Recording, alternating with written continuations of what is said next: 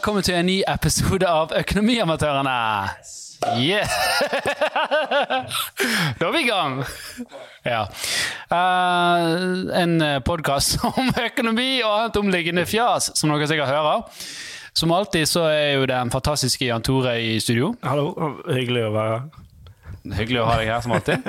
Det har jeg sagt nå hver, hver episode, tror jeg. Ja, men det er vel hyggelig det, å være her. Ja, ja da, men det er jo noe man sier når man bare er med én gang. Ja. Ikke det sånn? Ja, men nå må du tenke på noe nytt til sin neste Jeg gang. skal, jeg skal prøve å lage inn i sånn, uh, sånn fr frase det der. Det er det. Det er det jeg prøvde at det skal bli. Det blir aldri det. Ja, Så- sånn. Men det vi skal snakke om i dag, da, det er jo hvordan bedrifter endrer seg i en uh, moderne verden. Altså nye forretningsmodeller, og hvordan det, det påvirker deg som forbruker.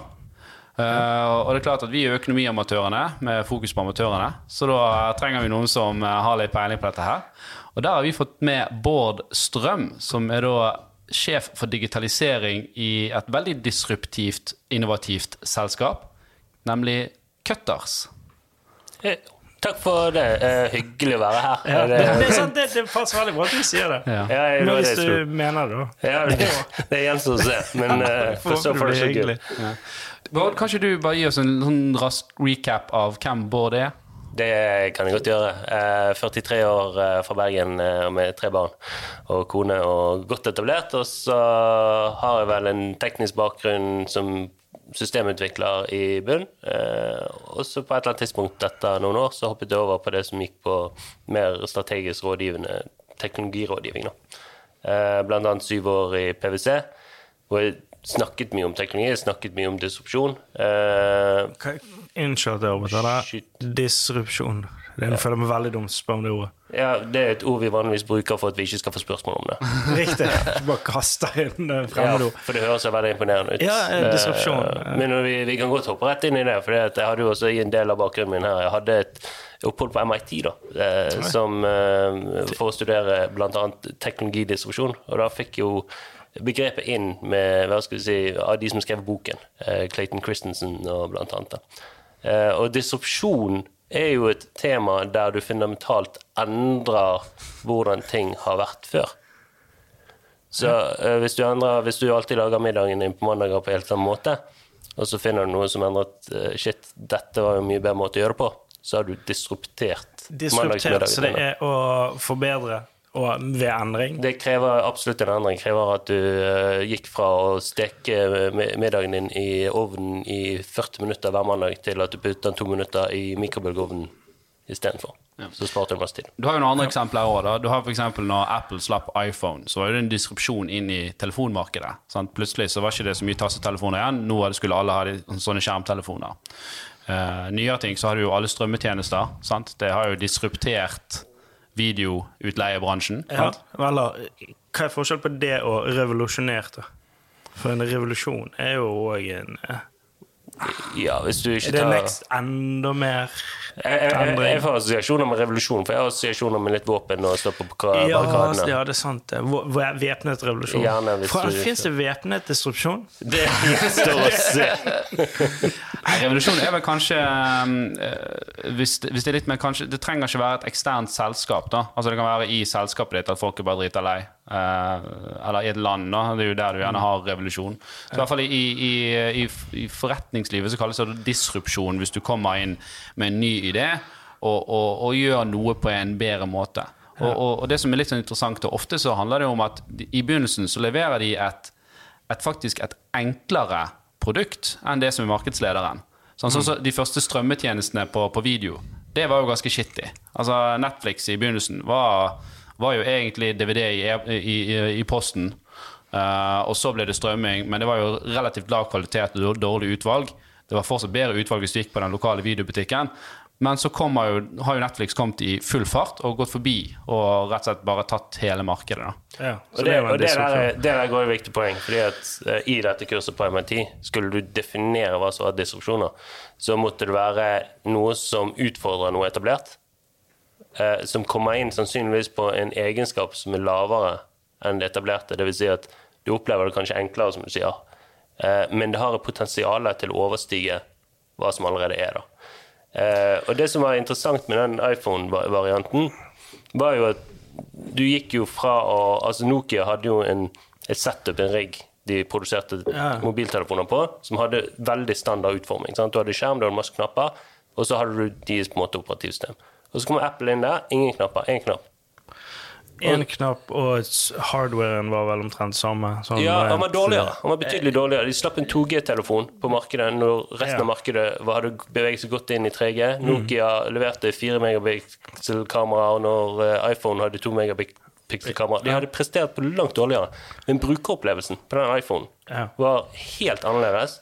Og betydelig uh, mer eh, markedstilpasset da, av hva forbrukerne Og det, sånn, Den modellen der har jo Apple bare kjørt på hele tiden. De har jo stort sett alltid dårligere spesifikasjoner, og litt sånn, men brukeropplevelsen er det de selger. Og det du, kan, det du merker i etterkant, er jo at selve designen av telefonen har endret seg til det som var iPhone. Og det som var superinteressant akkurat når dette skjedde, da, var det at Nokia prøvde å tilpasse seg med sin egen fortsette å konkurrere med sin plattform mot iPhonen sin. Stort sett alle aktørene prøvde på det samme, med unntak av ett selskap, og det var Samsung. Samsung kopierte ut iPhone sin setup, du, altså med, med, med tiles du kunne trykke på på skjermen osv. Og, og iPhone, altså Apple, saksøkte Samsung Samsung og vant. Med god grunn for kopi. Ja. Men dette var Samsung sin måte på å holde seg relevant, for de skjønte at iPhone Shit, dette er disruptivt. Dette endrer hele måten vi har tenkt telefon på. Game changer. Det er en game game changer. changer. Ja, vi må være med på det. Vi aner ikke hvordan vi skal gjøre det. Vi har hele riggen vår, hele produksjonsmiljøet satt opp på den gamle måten. iPhone introduserer noe nytt. Vi må være med på det. Vi må bare kopiere det. Og så ble jeg saksøkt, og så tapper jeg penger på det, men de måtte bare gjøre det for å vite at de hang seg på den nye designen. Og de var de eneste som faktisk greide det. Så det var jo eh, Hva er disrupsjon? Disrupsjon, det var jo en, eh, en, avbryt- en eh, digresjon. Ja. Men, men det er jo et veldig viktig ting, for det kommer jo inn i, i, med dette her med nye, nye forretningsmodeller. Um, og, og da er jo det liksom game changeren i markedet vi skal snakke om, og hvordan det påvirker igjen deg som forbruker. Så, så, og Bård, du er jo som sagt eh, digitaliseringssjef i, i, i Cutters. Uh, hva er det som hvordan, altså Cutters har vokst helt enormt.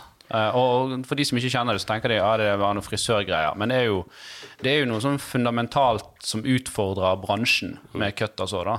Så kan du bare gi oss litt sånn recap, eller fortelle litt om hva er det som, har gjort at Cutters eh, er blitt så populært? For- å ta, for å ta det litt sånn fra begynnelsen av Cutters er nå litt over fem år gammel. Eh, Det ble startet av to herrer, gutter, holdt jeg på å si, på den tiden, Andreas og Christian, som, eh, eh, som ikke skjønte hvorfor de skulle betale enormt mye penger for å klippe håret sitt. eh, For en herreklipp. Eh, De mente at det kunne være gjøres mye billigere, og Andreas, som hadde bodd i Japan i et år, han hadde blitt inspirert av noe som het Cubi House der borte. Ti QB House. QB House, ja.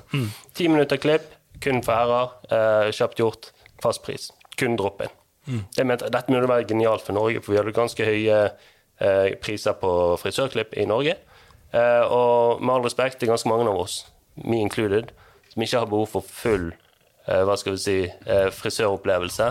Ofte trenger vi bare den der eh, kjappe fiksen for å se, eh, se bra ut da, eh, fra frisøren. Så de mente at dette var et genialt konsept som ikke fantes. Dette må vi bare gjøre. Så jeg startet de veldig kjapt den første salongen på Fløibanen. Eh, bare kort eh, vei herfra.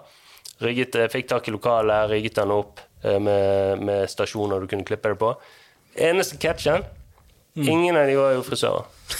Sant, de skal klippe. Ingen de. Jeg har ikke peiling på, på hvordan du skal klippe. For det, dette er en annen ting med diskusjonen er at driven kommer utenfra inn. Dette er altså kunder som har en bedre måte å tenke på hva de trenger, og ønsker å drive det ene markedet. Men hvordan skal vi få tak i frisører? Så skal de si Hei, du har en fast og god jobb nå hos en, en eller annen konkurrent. da. Kom og jobb med oss. Vi har en annen tanke på dette. Vi har. Vi har, Ja. vi har Vi har ingen kompetanse. Vi har ikke noe penger. altså. vi har en logo. Yes. Så de ante ikke hvordan de skulle få tak i nye frisører. Så en av de første tingene de gjorde, det var å legge ut en profil på Tinder, hvor de skulle ha tak i, eh, hvor de søkte frisører på Tinder, og så gjorde de speeddaten via Tinder, og så fant de de fris første frisørene på den måten. Og dermed var de en Det er en genial eh, rekrutteringsmetode. Det ikke. Det funket. det, er, det er bra.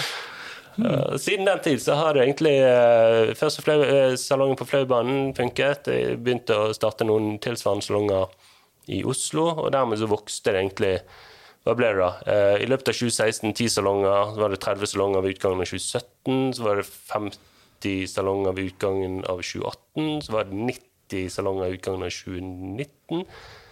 Og utgangen av 2020, det er jo bare 15 dager siden, så var det vel eh, ganske nøyaktig 114 salonger eller noe sånt. Det er litt av vekst.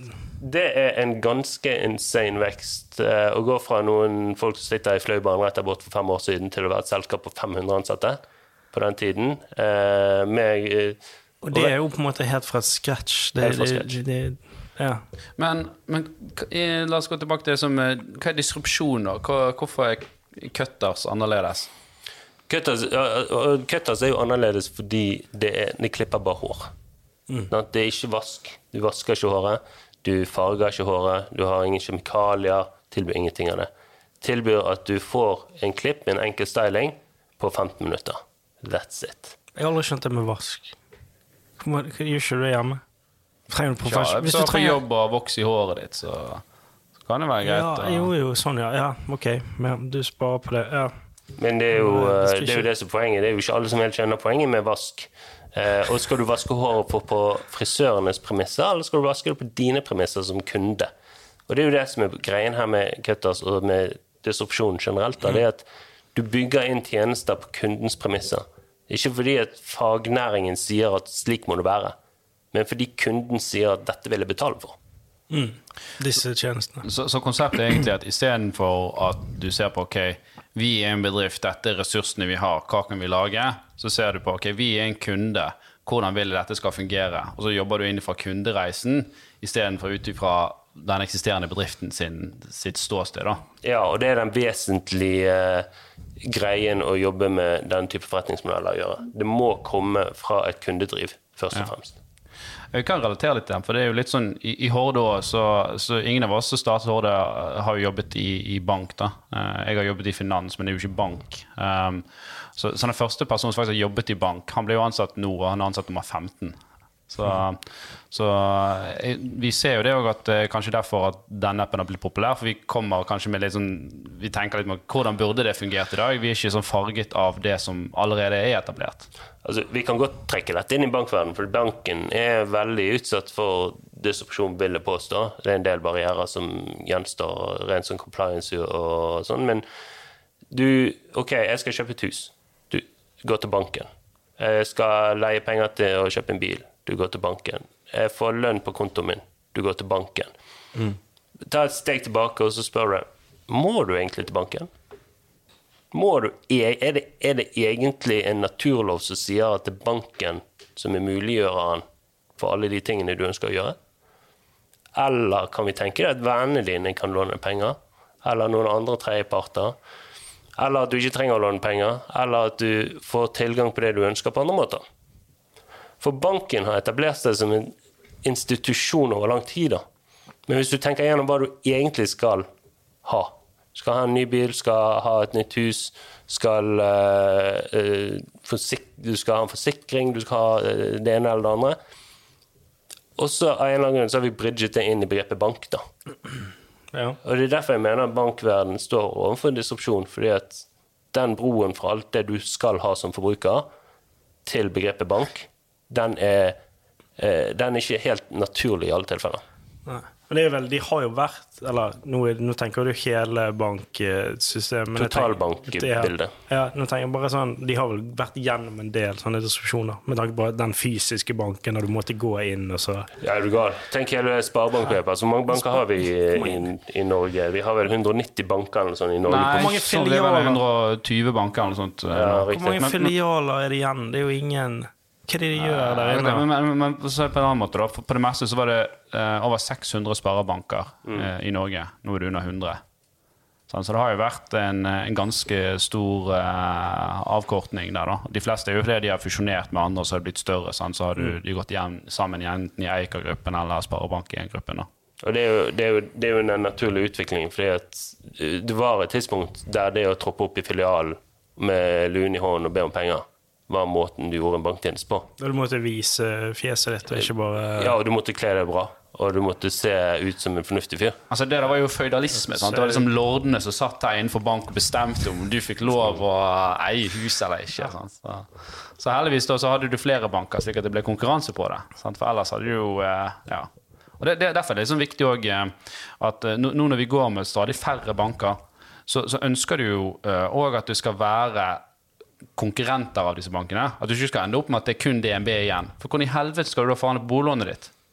Hvis det er kun DNB som eh, leverer boliglån, for de har spist opp hele markedet. Ja, og det er der det kommer inn på at eh, må det være en type DNB-bank som leverer det boliglånet, eller går det an å få tilgang på den kapitalen på andre måter?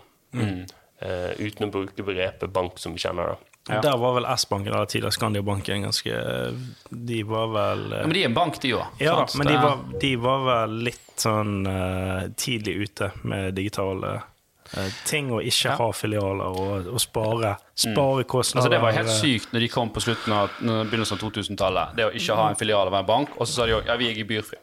Ja.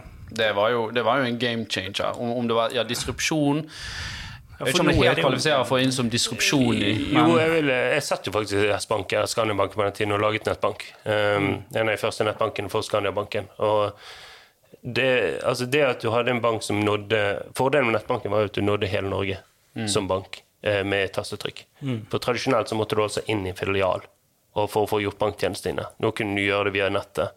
Kunne du få boliglånet ditt via nettet. Ikke bare det, men det ble også innført en, en sånn låneprosess, sånn grønt, gult og rødt lys som automatiserte låneprosessene. Eh, I stor grad fordi at du så at her var det egentlig veldig mye av låneprosessen som gikk på automatikk. Selv om det var mennesker som gjorde det. Så ergo så kan du gjøre den behandlingen av låneprosessen på en raskere måte og behandle den på noen minutter istedenfor to uker. Fordi at du hadde begynt den digitaliseringsprosessen hos Skandiabanken tidlig.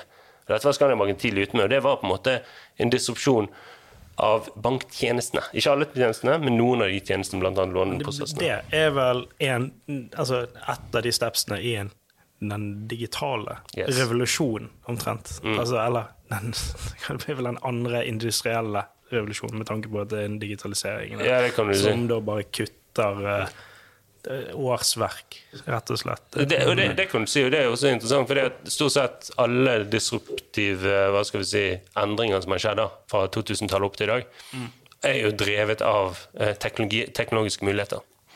Og jeg vil påstå, Nå jobber jeg med teknologi i Cutters, jeg vil påstå at mye av den intense veksten vi nettopp snakket om i Cutters, er muliggjort pga. teknologi. Vi er 500 ansatte, men vi er 25 mennesker som ikke klipper hår. Det er vanvittig liten overhead i forhold til de som er inntektsbringende og fagpersoner. Det er stort sett det selskapet består av. Skal vi håndtere 500 ansatte, alt som ligger rundt det, alt som ligger rundt uh, ansettelse, oppsigelser, sykefravær, medarbeideroppfølging, eh, salg i kasse, sånt. Eh, alle disse prosessene som bygges rundt, så må det gå så automatisk som mulig, og det må være effektivt, det må være digitalt, og det må være tilgjengelig. Og minst mulig mennesker skal bruke tid på det. Slik at for å få til de endringene Alle kan starte en frisørsalong på 15 minutter, hvor du klipper hår på 15 minutter. Du kan tilby lavere pris enn kutter, så du kan gjøre det lønnsomt. Jeg garanterer det. Hvem som helst kan gjøre det. Men det jeg ikke garanterer, er at du greier å gjøre det på 100 salonger. Og drive det effektivt på 100 salonger. Og det er denne scale-upen, bygge fundamentet for scale-upen, som er ekstremt teknologidrivende. Eh, og hvor, vi hvor, uh, og jeg tror alle disse eksemplene her er viktige for, for eh, altså Teknologien er blitt veldig viktig i den disrupsjonsbegrepet.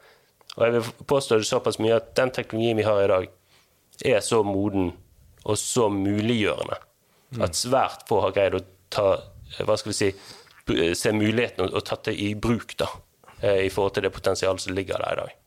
Ja, for dere, dere gjør jo kanskje Dere bruker jo teknologi som man ikke assosierer med, med, med frisørbransjen. Altså dere bruker jo Dere leker bl.a. litt med maskinlæring for å optimalisere hvem som skal på jobb og når og alt dette her. Og, og det er litt annerledes enn at uh, en eller annen fyr eller dame sitter og ja, da lager vi timeliste for hvem som skal jobbe neste uke, og så blir det litt sånn på måfå, og, og så får de mye ledetid da, på gjerne frisører som sitter der. Det er, ikke, det er ikke ofte jeg er innom en cuttersalong og ser at det sitter liksom en eller to frisører i stolen og venter på at det skal komme inn kunder. Det husker jeg faktisk Det, jeg Det har jo Altså, det koster 349 for å bli klippet. Og jeg husker jeg var alltid på jakt etter den beste deal den beste deal på For jeg, ville, jeg syns å, å, å, bruke penger på, på, å klippe seg, det var så å si eh, Det var penger ut vinduet. Så det var dyrt. Så jeg gikk jo uh, til det var, det, Vi har jo mange innvandrerfrisører som er, som er kjempe De er flinke. De er kjempeflinke. Og de, jeg husker dette er jo kanskje 15 år siden. Det kostet uh, 170 kroner mm. for å klippe seg. Uh, og der var det jo, det er jo sånn drop-in. Men det var jo ingen system. Han stakkaren som klippet, han hadde ingen system på det, og folk ble jo folk ble utålmodige. Mm. Og, så, så når, jeg, når, jeg, satt i stoler, så var det ingen kø bak meg. Men uh, så kom det jo folk inn, og, og da så du, da ble han da ble den eh, da, jeg, tror, jeg, tror, han brukte seks minutter å klippe meg. Litt stresset. Han var veldig stresset, for han så at de der satt og ventet bak der, så han måtte bare få unnagjort meg. Uh, da gikk den barbermaskinen rimelig fort. Uh, jeg uh, betalte jo da ja, hva var det, 180 kroner for det tyskertøsklippen jeg fikk der. så kan du regne ned i antall minutter, hva det koster per minutt. Så. Ja, så han hadde jo en meget høy timebetaling den dagen her. Mm. Men tilbake til det du sa. Altså, det som jeg, det som jeg syns er gøy ja, altså, Jeg kommer fra, jeg jobber i en frisørkjede, og jeg ble invitert til eh, seminarer om kunstig intelligens. Eh, for å fortelle hva vi gjør. Og da, da, jeg, da, skjønner jeg at da har vi truffet noe, da har vi gjort noe riktig i mm. Cutters. Eh, og den viktigste faktoren, den største kostnaden til Cutters, det som er breaking pointet mellom å gjøre dette lønnsomt og ikke lønnsomt, det er kostnader forbundet med når folk jobber. Altså hvor mange ansatte vi har i forhold til behov når de er på jobb. Fordi at de skal helst være på jobb når det er etterspørsel, mm. og så skal de helst ikke være på jobb når det ikke er etterspørsel. Uh, det er hele modellen. Når kundene har lyst til å jobbe, da har vi ansatte på jobb. Mm. Og dette er, dette er, en proprietær maskinlæringsalgoritme som vi har laget i har brukt lang tid å utvikle, som beregner, altså predikerer, altså uh, ser inn i framtiden for når vi kan forvente volum, og så bemanner vi deretter. Der, ja. Men det, vel, men det kommer vel ikke det Det kommer vel selvfølgelig veldig an på fra filial til filial. Helt riktig. Hvor, hvor i landet og hvor i altså. det, Så vi bruker dataene på hvert enkelt salong mm. til å se på og til å predikere hvilket volum og, og, når bør folk jobbe i hvilken salong. Ja. Så det har vi bygget. Det, altså, det ikke, jeg, jeg, tror ikke det er veldig mange frisørkjeder som har investert såpass mye penger i en prediktiv algoritme for akkurat dette. Mm. Nei, nei i, i, ikke i, i, den bransjen her. Så vi gjør andre ting enn det resten av bransjen gjør. Mm. Fordi vi er i en annen modell. Ja, det, er jo veldig spennende. og Det handler jo egentlig om å, gå inn til kjernen og forenkle produktet på forbrukerens eh, premisser. da. Um, og, og så dette har jo flere selskaper som har gjort. Uh, og, og, det er jo et begrep som, uh, som, som, som, er blitt mer og mer brukt, og det er jo dette med plattformøkonomi. Og for så vidt delingsøkonomi òg, da. Uh, hvor du har selskaper sånn som Uber og Airbnb som har, har gjort det stort. da. Så um, ja, Du ble blank i øynene nå, Jan Tore. Nei da. Nei, bare Er det det samme? Det er jo ikke det samme Altså samme Nei, det er vel en det, det, altså det, det, det, henger jo litt sammen. For eh, Uber tar jo òg og på en måte forenkler et konsept. Sant? At du, du, bestiller en bil på appen, du ser den kommer, du setter deg inn, du blir kjørt der du skal, og så går du ut. Du betaler ikke. Mm. Det er liksom transport i sin, sin kjerne. Du betaler. Ja. Men, men, på en annen måte så er det òg, i motsetning til Cutters, hvor du har faste ansatte, så er det en plattform hvor det er du egentlig kan melde deg opp og si at jeg vil være eh, sjåfør. Mm. Og, og, du har kunder som er, kommer inn fra, fra, fra kundesiden og, og, sitter på med deg. da. Sånn, så du har to sider der. Du har sjåførene, og så har du de som sitter på. Uh, og Samme Airbnb. Sant? Det er jo ikke hoteller som bruker Airbnb, det er jo der du legger ut din private bolig, og så kan andre komme og, og leie den. Sant? Så, så, disse selskapene er jo plattformer der som du, du samkobler kjøper og selger, kan du si, da, av varer eller, eller tjenester. Finn.no ja, ja, er jo en plattform. Sant? Ja. Uh, så, og det er jo um, en plattform er egentlig bare et fancy ord for en markedsplass, mm. i, i, prinsippet. For det er jo det det er. Sant? Men du har gjerne standardiserte produkter der. For det er jo det som poenget med plattformen, at den skal forenkle de valgene dine. Uh, du kan tenke Hvis du gikk inn på finn.no, og så bare alle tingene på finn.no, bare en lang lang liste. Hus og ting og tang og, og biler og båter. Alt bare lå der på én liste. Det var ganske forferdelig å drive litt gjennom den markedsplassen der. Så da er det jo finn.no sin jobb å være det filteret som, som, som, gjør at du enkelt kan finne fram til det du du ønsker. Mm. Så um, Det, det er superinteressante dreininger rundt plattformøkonomi, som du beskriver. Og vi ser de i USA, annet, hvor eh, et eksempel disse sjåførene for Amazon som leverer varer. Eh, alt de gjør, er egentlig bare å laste ned en app, eh, registrere seg som sjåfør, og så bidder de på oppdrag. Og så kjører de på oppdrag til lavest mulig pris for hva det koster, for hva du får, da. Ja, sånn, ja. Eh, og så det, har det vel vært en juridisk avklaring eh, Nå er jeg på tynn, tynn is, altså. Hvis det, dette her eh, må jeg bare holde med Jeg kan godt bli korrigert, og det er helt greit, men slik jeg forstår det, så har det vært en juridisk avklaring som sier at de ansatte som er med på den plattformen, de er ikke ansatte, de er selvstendige personer. Så de, de har ikke krav i forhold til hvor ofte du jobber. ikke Ingen har juridisk krav for Nei, så. Amazon har jo heller ingen forpliktelser overfor disse eh, Nettopp. når det gjelder sykemeldinger, når det gjelder Eller ferie, Ingenting. ingenting. Så det- de har ingen goder, de har ingen opptjening, de har ingenting. sant? Så de er altså frilansansatt? Ja, egentlig. Og vi ser jo altså, Hvis jeg skal dra det til kutt, altså I, I visse markeder noen steder i verden så kunne vi operert med den modellen. Vi kunne satt ut eh, salonger. Vi kunne, sant? Så hadde vi kundene på ene siden, vi, Frisørene og så hadde vi frisøren på andre siden, så kunne Ja. biddet seg inn på plassen vår. Ja, på den måten. Og så hadde vi visst at vi hadde, hadde hatt en ren eh, økonomisk gevinst på hver kunde, fordi at eh, frisøren hadde bidd på ene siden og, og kundene på andre siden. Men da er vi på en tett gråsone inn mot fagforeninger og hva som ja, sant? det- altså, Vi velger å det ansette våre frisører. ja. Ja, vi velger å ansette våre frisører fordi de er de beste ambassadørene for Cutters. Det er de ansatte. Mm. Og de skal, de skal ha en trygg arbeidshverdag. Ja, selvfølgelig. Og, og det der ser jo vi litt når, når Uber prøvde å komme til Norge, så var jo det mye ståhei rundt det. Eh, nå, er de vel, nå har de vel fått lov, i hvert fall i Oslo, eh, men det er vel noen begrensninger der, som jeg har forstått det, uten at jeg har gått inn i detaljer der. da. Men det var jo litt sånn for å beskytte taxinæringen. Så, så spørsmålet er jo jo, på en måte Jeg, jeg har vært i, i utlandet og tatt Uber, syns det var superchill. Kunne gjerne tenkt på at det kom til Norge. Men, eh, men jeg forstår jo det at du har en næring her som ikke klarer å konkurrere med det. Eh, og skal de da tvinges til å jobbe i en sånn arbeidsplass hvor de da ikke har de frynsegodene eller um, sykepenger eller, eller hva det måtte være? Så så det, er jo, det er jo en sånn balansegang der, da. Eller så må man være ærlig med det og si at dette er en arbeidsplass som faktisk ikke har, har livets rett i dag. Så akkurat som vi ikke har folk i hotellet som står og trykker på heisen og for at du skal komme deg opp og ned, sånn som du faktisk har i USA enda enkelte steder. Sånn, sånn Heismann. ja, door- og sånn. sant? Det- Doorman. Ja. Ja. det har du ikke i Norge. Sant? Og det er jo et sånt steg som man må, eller noe man må ta stilling til òg. Er dette en døende eh, yrkesgruppe? Må disse her finne noe annet? Må de bli andre typer yrkessjåfører, eller ja. Det, denne diskusjonen her er superrelevant. Det, det handler og det er her hvor teknologien er der. Altså, det er ikke noe problem å lage dette. Hvem som helst kan lage en, en tilsvarende plattform innenfor sitt område. Men det er de sosiale konsekvensene av den plattformen som spiller inn.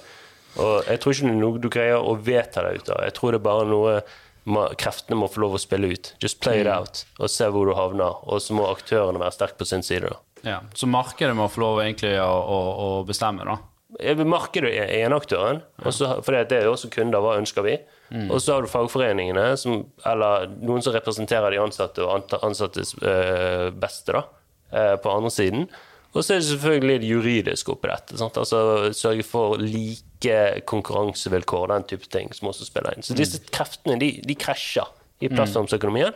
Og det er vanskelig å si hvem har rett, hvor, hva skal du høre mest på. Det må bare få spilles ut. Det kommer jo, det blir jo uansett gradvis. Altså, I løpet av en generasjon så er jo på en måte hele Gjerne én yrkesgruppe bare forsvunnet, for den blir overflødig, rett og slett. Og det, jeg skjønner at de som jobber med det, ønsker å beskytte det, for det, de vet jo ikke hva de skal gjøre på. Nettopp. Og Men, dette, men, eh, men ja, ok, da. Så selv om du ikke har jobben din, så betyr jo ikke det at uh, Hva skal jeg si At yrket du, eller bra, hvordan du jobber, har livets rett. Og dette er jo disrupsjon i praksis. sant? Du, hvis du har en ansatt på et kontor som er vant til å gjøre samme jobb dag ut og dag inn, og så kommer det en robot inn, Og, Og gjør gjør. Reidun sin jobb eh, i skranken der. så har Reidun ett valg, det. Enten slutter du å pensjonere deg og blir ut, eh, irrelevant, eller så blir du robotprogrammerer. Ja, og det er vanskelig for Reidun på 50, 59, som har jobbet der 20 år og lagd litt kaffe. Ja, Reidun på 59 kan eventuelt få en sluttpakke, da, tenker jeg. Men, uh... Jo, men det, det, det, det er kun de to alternativene du har. Enten blir du den som programmerer den roboten, eller så blir du den som blir eh, satt ut av spillet. Og de, denne reisen her, den, den skjer hver dag, og den skjer der ute. ja, eller- skifte over til et annet yrke som er kanskje litt mer Det er ikke så lang reise for deg, da, for Reidun, å måtte gå på bachelor på, um, på utvikling. Um, hun kan finne noe annet som er kanskje litt mer hennes stil, da. Uh, men det er jo Ja, og det å Ok, da tar vi oss liksom enda dypere inn. Hvis vi går enda lenger òg, ok, da er det okay, Hvor mange regner har vi igjen om, om, Ja, men- om 20 år? Sant? Vil Men- men alle tenker, sitte og det er- programmere? ja, men, og, La oss se på historikken her, da. Det er ikke sånn at for Dette har folk predikert i 100 år. Altså Når, når den industrielle revolusjonen kom òg, så sa de at nå kommer alle til å bli arbeidsledige. Det skjedde jo ikke. Det er jo det som skjedde, var jo det som, som, som, uh, som, som Bård sier her. Sånn at folk fant andre måter å, å jobbe på. Og istedenfor at La oss si det at istedenfor at Reidun dette eksempelet her eh, tok én og én kunde og brukte en time på den, så kunne plutselig Reidun sitte og ta ti kunder samtidig. Pga. denne maskinen hjalp hun å gjøre det mye mer Ja, effektivt. Sant? Så det er ikke nødvendigvis sånn at du mister uh, jobben din. da. Nei, det er jo bare gjerne at samfunnet går fortere. Ja. Og, og, Og, og det er ikke noe sånn altså det, det, det trenger ikke være en plattform uh, for at det skal være eh, disruptere. Altså Går du tilbake på 1800-tallet i England, når, når, når bilen kom, da. Det de lagde der, og dette var jo regjeringen, for det, det var jo for de skulle beskytte hest- og skjæreindustrien. Skulle du ha en bil, så måtte du ansette tre personer. For Du måtte ha en person som, eh, som eh, gikk foran, sånn 30 meter foran, og, og liksom veivet med et rødt flagg og sa at 'her kommer bilen'. Altså Det, det, det ødela jo hele konseptet eh, med, med å ha bil. Sånn, så det har jo litt med den frykten for det som er, er, er nytt. Og, og som Bård sier, jeg tror de fleste er glad i dag for at vi lot den spille seg ut. At ikke vi har hest og kjerre, eller du det må kom ha de fleste til gode. Ja. det gjorde jo det. Men alle frykter jo endring. Det er jo naturlig. Ja, det, er- det er også litt tilbake inn til teknologiens rolle her. Det, det, det er- det er en veldig fin graf som illustrerer dette, men det raskeste som endrer seg, det er teknologien. Det nest raskeste som endrer seg, det er måten vi tar i bruk teknologi på. Den tre raskeste, altså den tregeste endringen, det er menneskene. Det er rett og slett at mennesker skal gjøre noe annet enn det de er vant til å gjøre. Eh, eh, noe som indikerer at de som lager teknologi, ligger gapet mellom de som lager teknologi, og de menneskene som skal tilpasse seg endringene teknologien gir, det gapet blir bare større og større. Det er min påstand. Og her er mulighetsrommet innenfor disrupsjon. Hvis det gapet blir større og større, hvis teknologisk utvikling går fortere og fortere, menneskets evne til å ta i bruk endringen av teknologi er, fortsetter å være like treg, så blir det gapet større. Ergo så finnes det en mulighetsrom for tidlige innovatører tidlig ute til å ta i bruk mulighetene teknologien gjør, som hvor hva skal vi si, forspranget bare blir større og større. Mm. Fordi at teknologien er der, den er tilgjengelig, du kan bruke den hvis du forstår hvordan, og du greier å uh, tappe ut potensialet og verdien fra det. Det er en ganske bra uh, liten speech til uh, unge gründere der ute. Det er absolutt det. Du trenger faktisk i dag ikke vente på at ny teknologi skal komme. For den er der, det er bare hvordan bruke den, og rette den mot potensielle kunder. Eller potensiell, ja. Jeg, får både, jeg, snak, jeg snakket med deg tidligere i uken, og så sa du det er tre ting mener jeg, som, som, eh, som er kjennetegner om det var disrupsjon vi snakket om. da. Kan ikke du gjenta de, for det var jo òg liksom, det var ganske Ja, det var- sånn det var- hvordan du kan uh, Det var egentlig en oversettelse av det jeg nettopp sa. Men uh, den første delen, altså du har den teknologiske disrupsjonen, eh, som i mange tilfeller kan ses på som å være å gå fra gasslamper til elektriske lamper, eksempelvis. da. Som et enkelt Eller noe som mange ikke har tenkt på. Gå Istedenfor at du har hakket is løs fra, fra, fra vann, og pakket de isene inn i container og sendte de med båter, så fant du opp fryseren. Hvis du skjønte det. sant? Fordi For det ene, begge deler kunne produsere is. Det var bare det. Fryseren kunne gjøre mer lokalt. Så tar du den fryseren, og så putter du den inn i Ok, det, det er den teknologiske disrupsjonen i det. Men det har fortsatt ingen verdi, fordi at ingen har greid å ta det i bruk ennå. Så har du prosessmessige disrupsjoner i det. Det er jo at du har nå funnet ut at du kan, putte, du kan generere is i en fryser, fremfor å hogge det løs fra en islagt innsjø. Eh, og da, eh, da, da kan du slutte å sende båter rundt verden. Fordi at du kan produsere isen lokalt. Da har du den prosessmessige eh, disrupsjonen. Mm. Så har du det tredje nivået av det. Det er det menneskelige, altså det er servicedisrupsjonen. Det er der hvor faktisk mennesker tar det i bruk og bringer det ut, og, og, og, og, og kutt, altså du kutter litt på verdikjeden eller mønsteret menneskene bruker. Da. Det vil si at du selger disse Istedenfor å selge en klump på fem kilo, så kutter du opp i isbiter så folk kan sjøl ta og legge oppi glassene sine. Du slipper å hakke det hjemme sjøl. Eller enda mer, du selger disse, eh, disse fryseboksene til hver husstand. Så de kan lage de sjøl helt hjemme. da. Sant?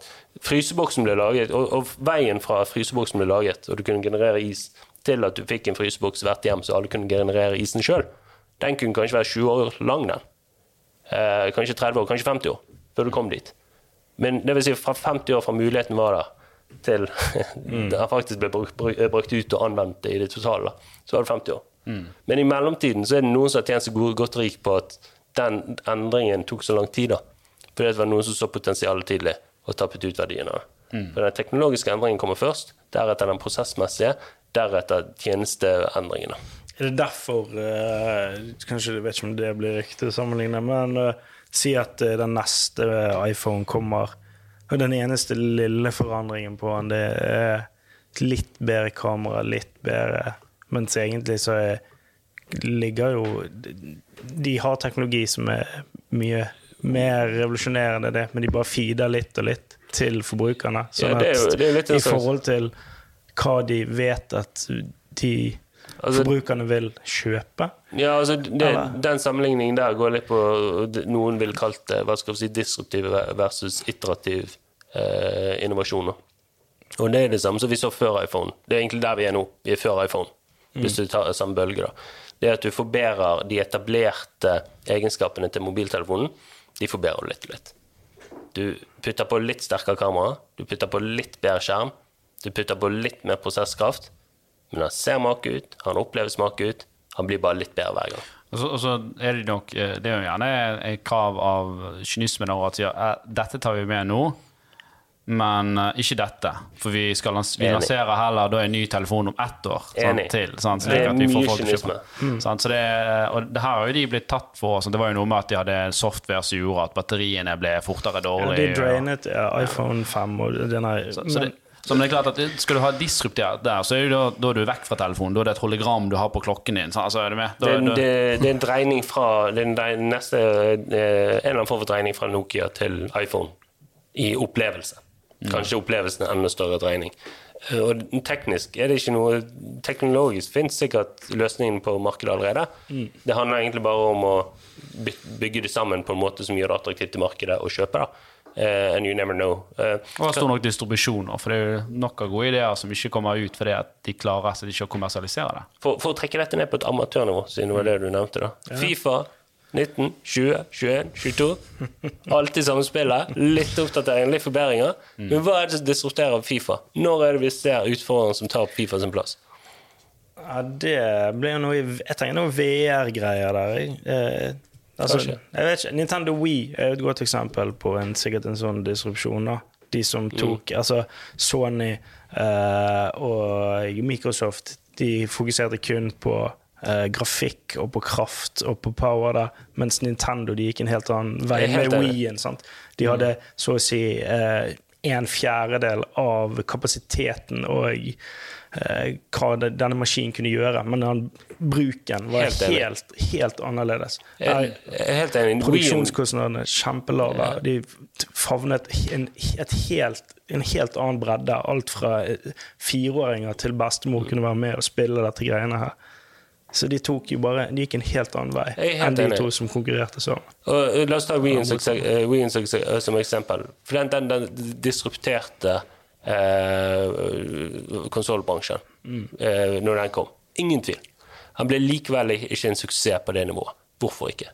Fordi den modellen som disrupterte, ble likevel ikke en preferert design, altså det vi kan kalle for en dominant design. da. Altså en dominerende designmodell. Okay. De greide ikke presse PlayStation eller Xbox til å adoptere sin form for design, sin form for opplevelse. Og hvis de ikke greier å presse resten av markedet, sånn som iPhone gjorde, til å adoptere sin dominant design, så greier du egentlig ikke å disruptere markedet. i Nei, nei, det er jo sant, men var det, tror du det var strategien deres? Ville ikke de bare eh, finne et nytt marked? Eller altså finne et Gå en annen vei? Finne, ta andre Ta markedsandeler som ikke engang var der? Det er godt mulig, men jeg tror de, hvis de hadde greid å disruptere markedet, hvis de hadde greid å si at dette er den nye standarden for spillkonsoller nå, så ville jo Nintendo Wii blitt eh, synonymt med den nye, nye type konsoll. Og de, ikke bare det, men det er en gigantisk byttekostnad for PlayStation, altså Sony PlayStation og, og, eh, og Microsoft til å bytte fra den eksterne riggen, måten de alltid har bygget eh, sine konsoller på, til å bygge andre typer sensorer, andre typer spill, Ja, ja, til en ny dominant design. Da. Så når de opplever at ny design kommer på markedet, så har de alt å vinne på å unngå at den blir den dominerende designen. Fordi at da må de endre såpass mye av produksjonsmiljøet sitt over til den nye designen. Litt sånn som Samsung gjorde, bare kopierte Apple sin. Ble saksøkt for det, men det var verdt det fordi at de måtte inn på den nye designen. Ergo så greide faktisk Microsoft og Sony å unngå at Wii-en ble den nye dominerende designen for playkonsoller, og fikk det tilbake inn på gamle spor. Ja, det er sant. Og det er grådig, for det, det var en disruptiv modell, men den fikk ikke etablere seg. Nei. Men han utfordret de, da. Ja, utfordret, absolutt. absolutt. De tjente penger på den, ikke det, men ja. han, han tappet ikke ut det, det store potensialet som iPhone. Men det der er jo um, eh, Både med vi og, og med sånn VR eh, Det er jo kult, da. Men, eh, og, og det er sånn man tenker at dette blir liksom futuristiske måten å gjøre det på. Um, og det kan jo være det blir med VR òg, men foreløpig så føler jeg det at det er litt mer krav uh, å stå og danse foran en Wii hele dagen. uh, eller ha på seg dette headsetet hele dagen, kontra det å bare se på skjermen og, og game med kompiser og ha de på headsetet. da. Så det blir jo, Men igjen, det der blir jo litt- kjempesubjektivt. Det er jo opp til hver eh, Men jeg er jo helt enig med deg. Ja, men de, Altså, har, de har jo ikke tatt altså, VR er jo ganske bra i dag, da. Men det er jo sånn etter å ha spilt en halvtime, så er du fornøyd. I Ja, Call of og Duty litt, sitter du i eh, seks kvalm timer. er i- Ja. eh, med de der eh, VR. Ja, men Fortnite og Call of Duty kan du sitte i timevis uh, og spille. Så, nei, men Det blir spennende å se hvor det er. Men la oss komme litt tilbake igjen på Ja, det var, um, eh, Det var dypt inn i uh, Det er kjempegøy å snakke om det òg, da. Men Ja. hvis vi ser på andre ting eh, Vi snakket jo litt om, om, om bank og finans, eh, og, og du har jo eh, Ja, dette er jo mer eiendomsmegler, men det jo Himla-konseptet, som fra Fana Sparebank, som var da jeg vil si disrupterte det, den, eh, den mm. bransjen litt. eh, Der de kom inn og sa at nå er det fastpris, jeg tror det er 25 eller 30 000 eh, for, for å selge boligen din.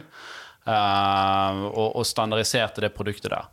Og der ser du jo nå faktisk, for å linke litt tilbake til du sa, at DNB har begynt med et eget konsept Ja, ja. som heter sånn smart boligsalg. Samsolgt, tror jeg det Samsolgt, ja. Som er da Ja, det samme som Og Bare for å trekke det inn, det er, en, det er et eksempel på, på tjenestedisrupsjon, altså service disruption, hvor du ikke er avhengig av ny teknologi eller noe nye prosesser. Du skal gjøre det samme som du har gjort før, men du endrer på tjenesten, hvordan du leverer tjenesten din på. da.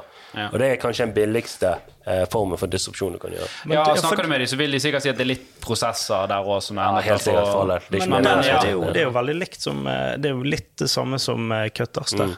At de tar en, altså rett og slett en ting som har vært en tjeneste før, og så Eller en omfattende og mye greier, og så bare her Her er prisene koster, dette er det du får. Det er relativt enkelt, men det er effektivt, og det fungerer. Det gjør jobben det skal gjøre. Helt enig. Vi får Boligen din blir solgt. Og Cutters er ikke basert på noen ny fancy teknologi.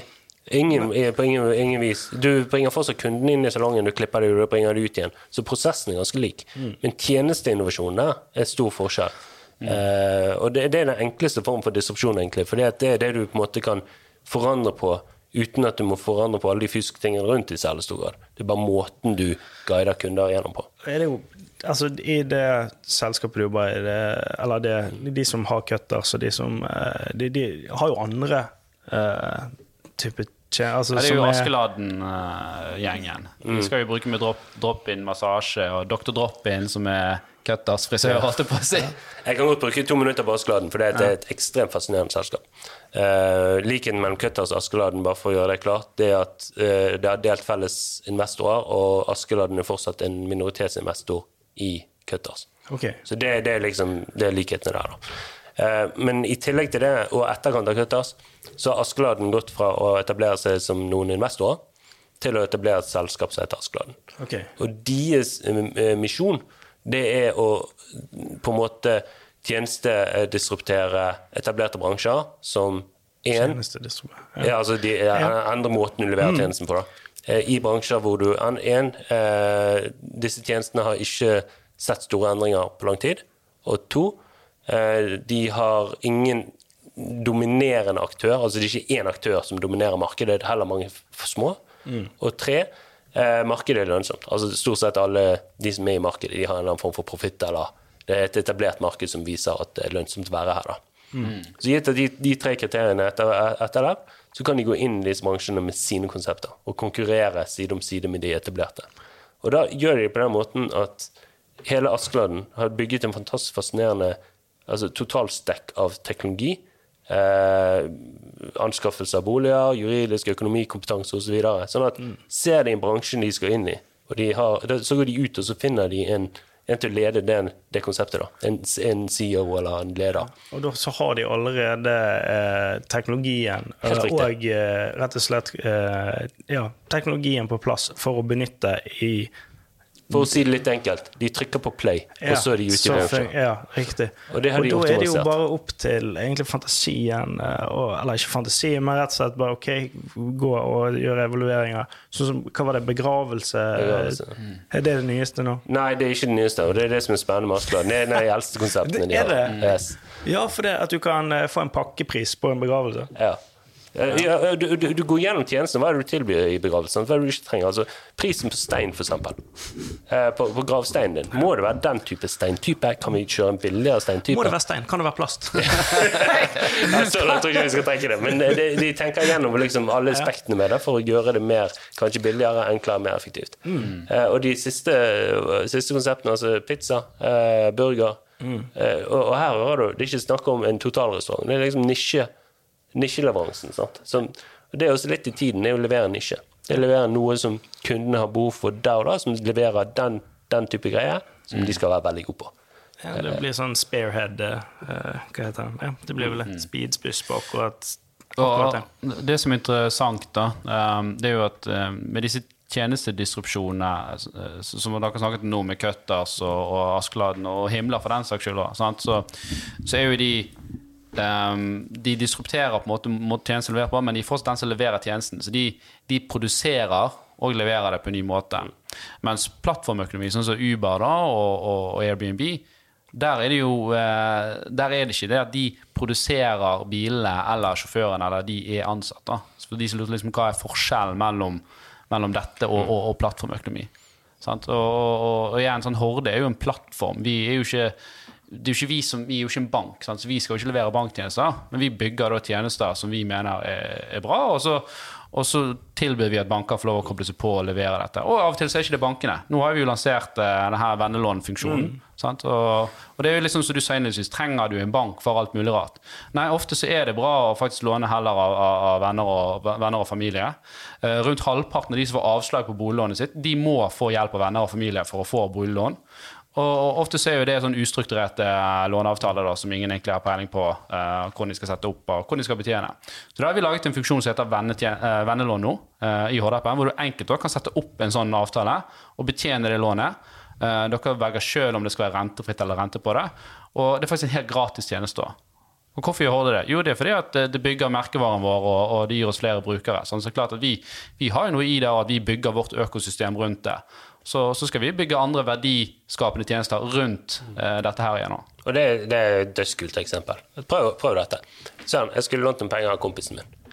Vi har en avtale med rådgiveren vår i banken. Så går vi dit. Hvordan, vi skal, jeg skulle lånt penger av kompisen min. Hvordan kan vi få gjort dette?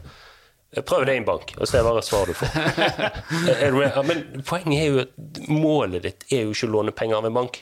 Målet ditt er jo å låne penger, for du trenger litt penger til et eller annet nå. Sånn at hvis du tenker hele tiden dødsfokus på hva er behovet, hvorfor har jeg behov for å låne disse pengene, hvorfor har jeg behov for å gjøre, den, gjøre det jeg gjør nå, så er det ikke alltid at det er bank som er svaret. Og i dette tilfellet så er det ikke bank svaret. I dette tilfellet kan faktisk Horde bli svaret. Og det er en kul måte å gripe inn i Det å låne penger, det er en banktjeneste. Men det å låne penger fra venner, det hører du sjøl, det er ikke en banktjeneste. Eh, og dermed så begynner du å utfordre hele begrepet bank, da. Og det er gøy. Ja. Så ikke sikkert alle bankene er enige om det, men det er, fremtiden kommer. Ja, men det er fordi alle banker vil fremstille seg sjøl som at de er din venn. Ja, eh, og er jo, du er jo veldig glad i å si dette her, Jan Tore. Sant? Aldri, aldri stol på en selger. Eh, og de kalles jo bankrådgivere, men det er klart at, og, de har jo selvfølgelig noen regulatoriske ting de må forholde seg til. Men eh, de som jobber i banken, er jo insentivert til å selge bankprodukter. Ja, Det sier jo seg sjøl. Jeg regner med det. De skal, de skal, ja, de Og skal det er veldig sjelden en bank vil si at eh, hvis du heller går over til den banken, så er det litt bedre. For det vi har sånn kjipt sånn gebyr her som er litt vanskelig for deg å avdekke. Men Ja, men du får gratis kaffe i, det, i de filialene våre, så, du, så hvis du liker det. Jeg syns dette var, eh, var spennende, veldig spennende, og, og vi, var, vi har gått litt dypt i materien noen ganger her, men, men eh, litt av poenget er jo hvordan dette her eh, endrer egentlig våre vaner som forbrukere, og hvordan det påvirker oss, hvordan det påvirker hverdagen vår. Og så har vi, vi covid da, liksom, som sikkert har satt enormt fart på, på, på en del digitalisering. da. Så, så du, Bård, som er Du er jo jeg må få lov å si det, du er vel en litt sånn nerd på forretningsmodeller, hvis jeg får lov å si det? Ja, Og ikke en liten. Jeg tror jeg, tror jeg kan godt plante nerdestempelet godt i banen. Eh, Hva, hva er det liksom du ser som liksom, på, på grunn av covid har liksom vært den største endringen i, i samfunnet, som du tror kommer til å ha impact i tiden som kommer fremover nå? Eh, Det er helt umulig å la være å se at eh, hva skal vi si, kjøp og salg via nett, altså digitalt kjøp og salg, har styrket seg betydelig og blir en ny de facto. Eh, så skal jeg trekke det tilbake igjen til baksiden av det, så er det jo de mursteinsbutikkene vi ser i sentrum rett bak oss, og hvordan de skal tilpasse det.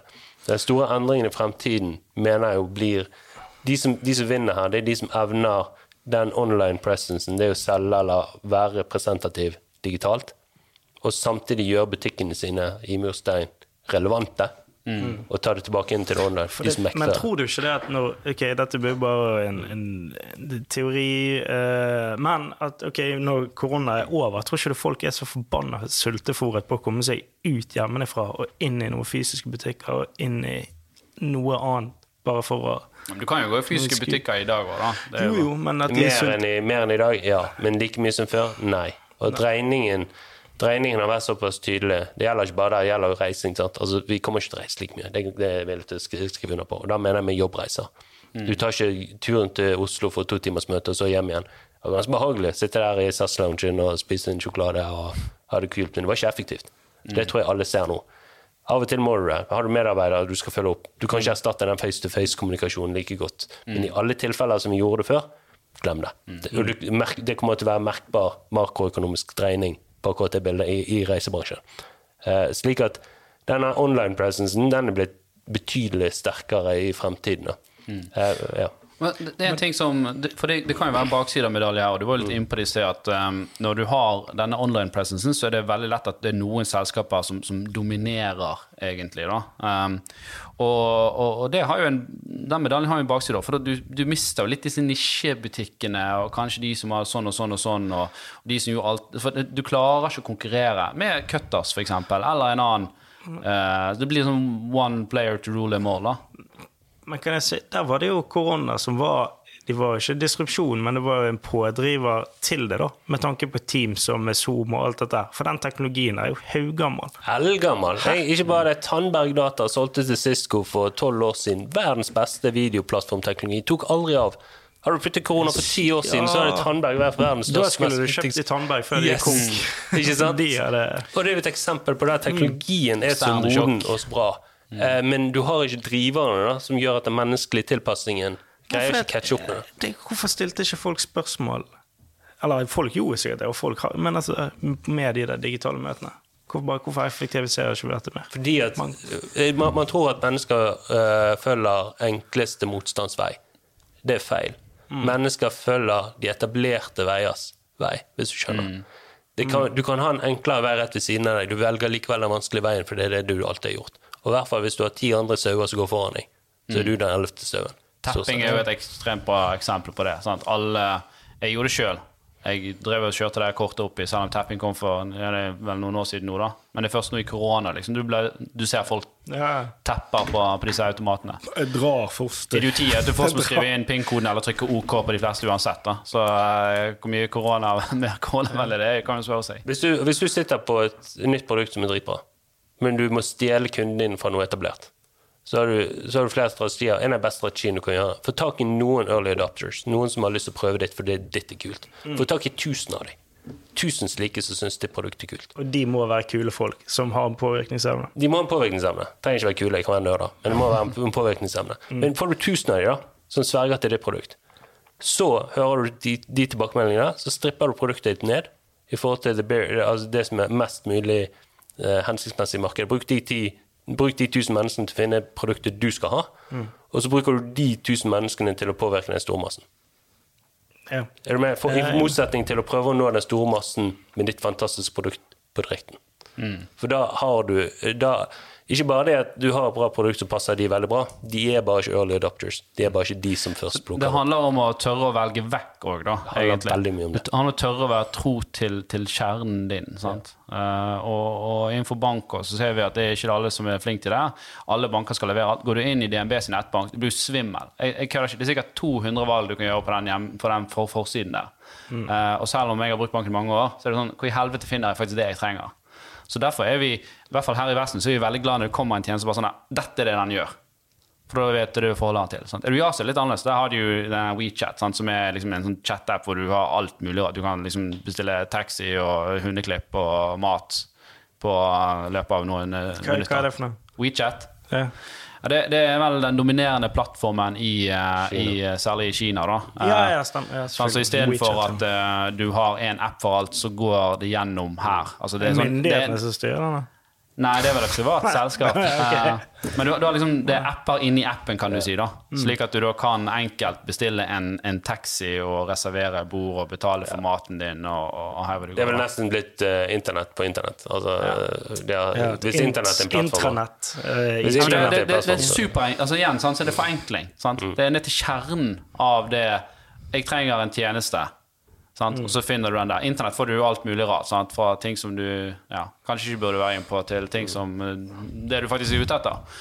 Så, men her i Vesten så liker vi det at Nei, denne tjenesten er det, og den tjenesten er det. Så det er, det er sånn ganske forskjellig der. Og det ser du på design òg, da.